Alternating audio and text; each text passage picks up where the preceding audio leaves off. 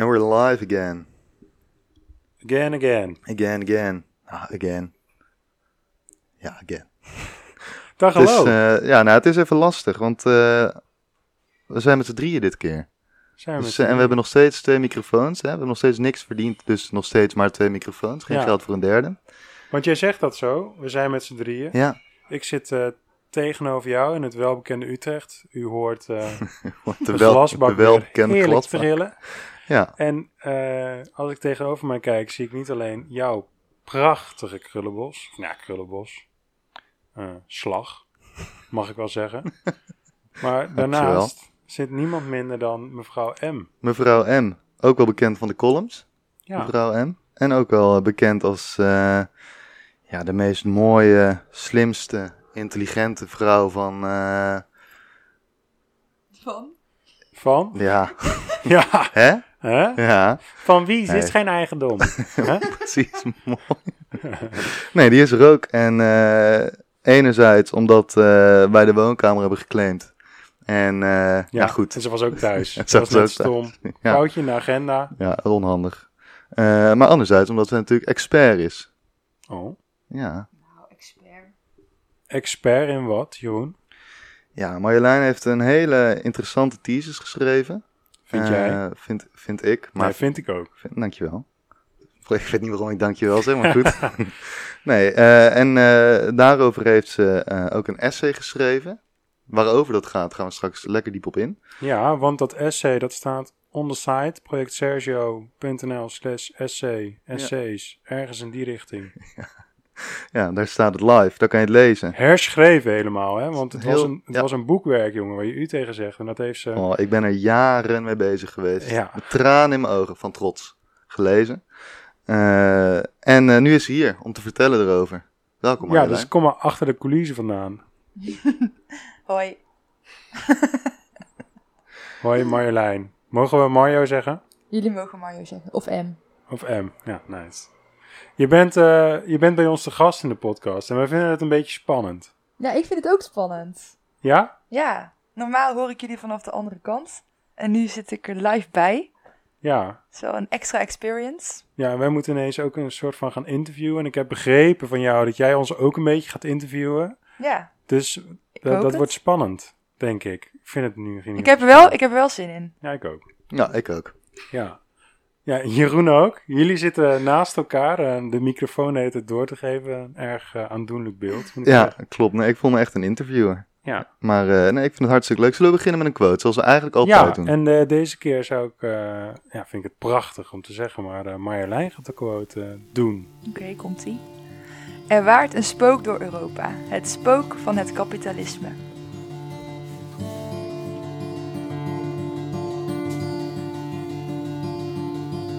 Een bubbel. Je kent het wel. Sterker nog, iedereen heeft er een.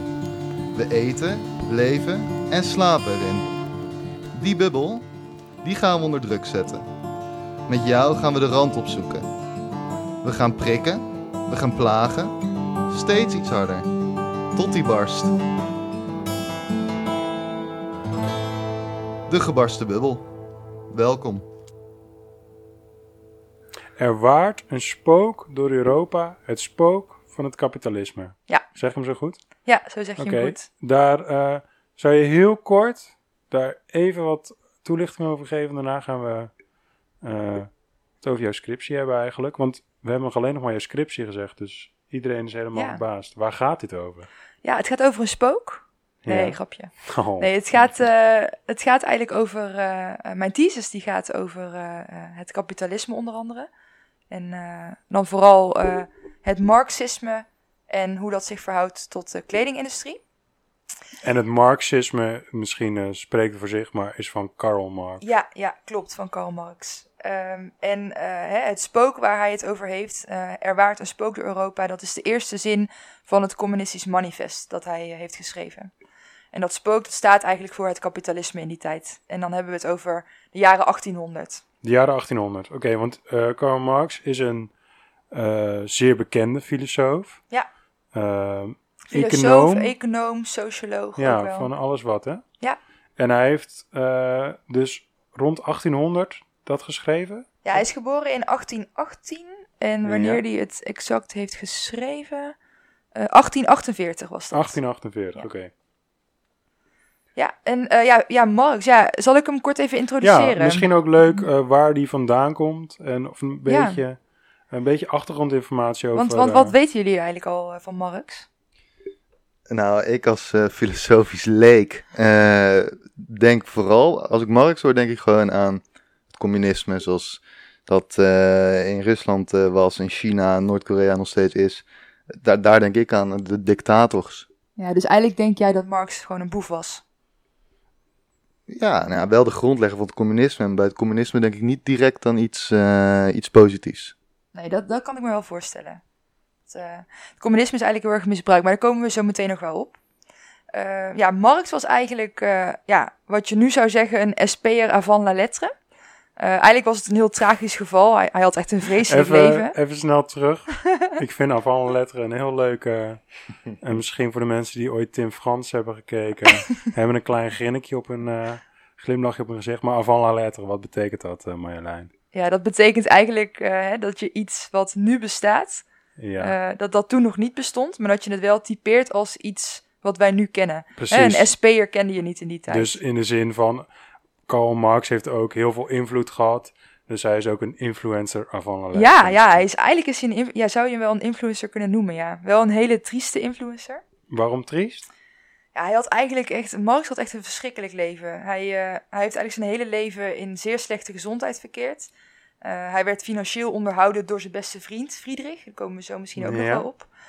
En eigenlijk het ergste nog van alles is dat hij zijn grote levenswerk, het Das Kapital, zijn, zijn, zijn trots, eh, zijn boek, eh, dat werd in zijn eigen tijd eigenlijk amper gelezen. Want dat is best opvallend. Want als er nu een boek is, denk ik, wat... Nou, niet per se nu veel gelezen wordt, maar wat in de geschiedenis veel gelezen is... dan is Das Kapitaal wel Ja, een grote jongen. ja, grote meid. Ja, Ja. precies. En eh Karl Marx, waar is hij geboren? Of in ieder geval welk land, weet je dat? Oh, dit is gênant. Vraag ik je, vraag ik je nu iets. Want ik zit Oh, altijd zelf ja, in mijn Ik hoofd. dacht even dat het een Duitser was, maar Ja, dat denk ik ook altijd. Maar volgens mij is dat helemaal niet zo. hij is geboren... Even Wikipedia zoeken mensen. Hij is wel eh, Duits, toch? Ja, het is inderdaad een Duitser, maar eh, wat wel grappig is, is dat hij... Ik wil zeggen, in Londen, hij is in Londen gestorven. Hij is in Trier Ja, geboren. dat is wel grappig. Ja, Dat is wel- ja. ja. Ja, grappig. Ja, inderdaad. Het is een, eh, toch een Duitser. Ja, dat dacht ik, maar ik wist het niet zeker. Ik dacht, ik vraag aan een expert. Wikipedia. Ja. Oké, een Duitser. Ga verder met je... eh, hij had dus een triest leven eigenlijk. Ja, hij had eigenlijk eh, echt een heel triest leven. En eh, het, het, het werk van hem, wat verreweg het meest bekend is, hè, het Communistisch Manifest, daar was hij zelf eigenlijk niet eens heel trots op. Want dat was eigenlijk puur een manier om het volk aan te zetten tot, tot revolutie. Om, om zichzelf te ontwortelen van het arbeider, het proletariër zijn. Ja, misschien als we daar eh, meteen een klein snel. beetje... Nee, daar kunnen we wel heen, denk ik. Want dat is misschien interessant. Eh, hij heeft dus een beetje een triest leven gehad. Is uiteindelijk zijn echte werk, Das Kapitaal, werd niet gelezen. En het communistisch manifest, dat werd een beetje misbruikt.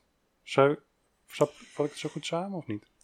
Ja, misbruikt. Het werd niet misbruikt, het werd Het eigenlijk... werd gebruikt. Ja, Oké, en wat, wat, wat schreef hij daar ongeveer? Want in die tijd eh, was er veel ongelijkheid, denk ik. Nu is er veel ongelijkheid, toen was er ook veel ongelijkheid. Want Ehm, ja, je had eigenlijk, eh, er was toen een, een klassenstrijd gaande. Eh, je had in die tijd had je echt nog verschillende klassen die echt afgebakend waren. Je had de, de kapitalisme, kapitalisten, wat ze, wat ze destijds, hè, wat we nu de, de bourgeoisie van toen noemden. En je had de proletariërs, het proletariaat. Dat is eigenlijk de hele groep arbeiders bij elkaar. Eh, en die twee stonden lijnrecht tegenover elkaar. Ehm, de kapitalisme hadden het bezit. En eh, de proletariërs die zorgden er eigenlijk voor eh, ja, die waren eigenlijk, stonden in dienst van de kapitalisten, van de Ja. bourgeoisie. En de kapitalisten kwamen ook zeer op omdat de machines werden uitgevonden. Eigenlijk de stoommachine is toen ook... eh, Ja, en tijdens Goed. de industriële revolutie eh, zagen we eigenlijk dat eh, de proletariërs eh, eh, werden ja, gebruikt in de, in de fabrieken om eh, eh, spullen te maken eh, voor de kapitalisten. Dus de kapitalisten, de, de bourgeoisie, dat waren de fabriekseigenaren. En de eh, proletariërs, dat waren de fabrieksarbeiders. En die werden Ja. zwaar uitgebuit. Dit klinkt best wel. Hè? Vroeger, eh bourgeoisie waren de fabrieksbazen, eh, het proletariaat waren de arbeiders in de fabrieken. Eh, hoe zou je dat als je het in deze tijd een beetje zet? Hoe, als ik een beetje een voorstelling bij zou kunnen maken in deze tijd. Wat, wat zou je dan de bourgeoisie noemen? Wat zou je Nou ja, proletariaat noemen? misschien als we naar deze setting kijken, zijn jullie de bourgeoisie en ben ik de proletariër. That's what I'm ik, talking about. Wat zeg jij money, nou? money, money. Ik kom hier, eh, ik kom jullie, ik kom eigenlijk voor jullie werken. Ik doe dat eh, zonder dat ik ervoor betaald krijg. Hè, het is weliswaar een vriendendienstje, maar eigenlijk gaan jullie er straks met de opbrengsten vandoor. Zeker. Wij rijden straks weg in onze dikke bak. Dankzij Precies. jou. Nee, het, het, het punt is dat je maakt is eigenlijk, volgens mij, vroeger was het de kapitalist die dan eh, het geld had om een machine te kopen. De werknemer die ging dan aan die machine staan en alles wat eruit kwam was voor de kapitalist, omdat het zijn machine Precies. was. En dit is, Al hè? deze likes, views, Ja, eh, al deze nieuwe... wij nieuwe bieden jou het platform, Marjolein. Maar die, die nieuwe luisteraars die jullie hiermee genereren, die krijgen jullie wel eh, dankzij mij. Dat Ja. dat maar even gezegd is. En dat er maar luisteraars mogen komen. dat dat maar gezegd Dat is. zou ook wel lekker zijn, hè? Nee, maar Nee, maar ik ben jullie zeer dankbaar voor dit podium. ja, en wij jou. Ah. Ah. Dus nee, maar dat- dat is een, een leuke vergelijking, denk ik. Ja, zeker. Zeker, absoluut. Nee, ja, om, om serieus antwoord op te geven op je vraag. ehm, hè, ik heb in mijn thesis ben ik ingegaan op eh, in hoeverre we eh, Marx nog steeds kunnen gebruiken eh, eh, om, om de, de huidige maatschappij te begrijpen. En eh, daar zit het hem heel erg in dat eh, wij Westerlingen, eigenlijk wij in, in West-Europa, eh, de kapitalisten zijn. En eh, dat wij eigenlijk ge- misbruik maken van arbeiders aan de andere kant van de wereld, die al onze producten maken. Wat En dat- vaak heel hip eh, outsourcing wordt genoemd. Ja, precies. Maar dat is natuurlijk eigenlijk gewoon keiharde uitbuiting. En dat proletariaat, wat, wat vroeger ja, eh, gewoon naast elkaar leefde, dat proletariaat zien wij nu eigenlijk niet meer. En dat is misschien een leuk bruggetje, als ik, omdat ik een klein beetje, heel klein beetje ook wat van Marx weet. Eh, wij zien het niet meer. Die, eh, dat zou je bijna vervreemding kunnen noemen. Ja, Zeg ik daar een. Wat, wat is dat precies vervreemding? Want dat is een van de belangrijkste begrippen, denk ik, zo niet het belangrijkste begrip ja. van ja je Marx. zou vervreemding eigenlijk op verschillende manieren kunnen eh, interpreteren. Het wordt ook op verschillende manieren gebruikt. Maar het is eigenlijk een, een, van oudsher een concept van Hegel. Eh, en Marx die bouwde daarop voort. Hegel is een, eh, Een, een filosoof. Ja, ja. ja. Marx die veranderde ehm, eh, het concept van vervreemding eigenlijk in, in een soort sociaal fenomeen. Ehm, dus hij gebruikt vervreemding op de manier dat, dat het optreedt wanneer het product van de arbeid, dus wat, wat de arbeider maakt, dat dat niet van de arbeider zelf is. Dus de arbeid wordt eigenlijk in het kapitalisme verkocht als een product, als een waar. Ehm, en vervolgens wordt het product onteigend door de, de kapi- kapitaalbezitter, dus de kapitalist. Eh, dus eigenlijk de, de arbeid die de arbeider verricht, dus waarmee een product wordt gemaakt, daar profiteert de kapitalist van. En de arbeider niet. En is het dan ehm, ook zo dat die vervreemding de andere kant op werkt? Want ik kan me voorstellen dat eh, nou, vroeger in de proletariaat was het misschien anders, omdat daar de arbeider eh, alles deed in de fabriek.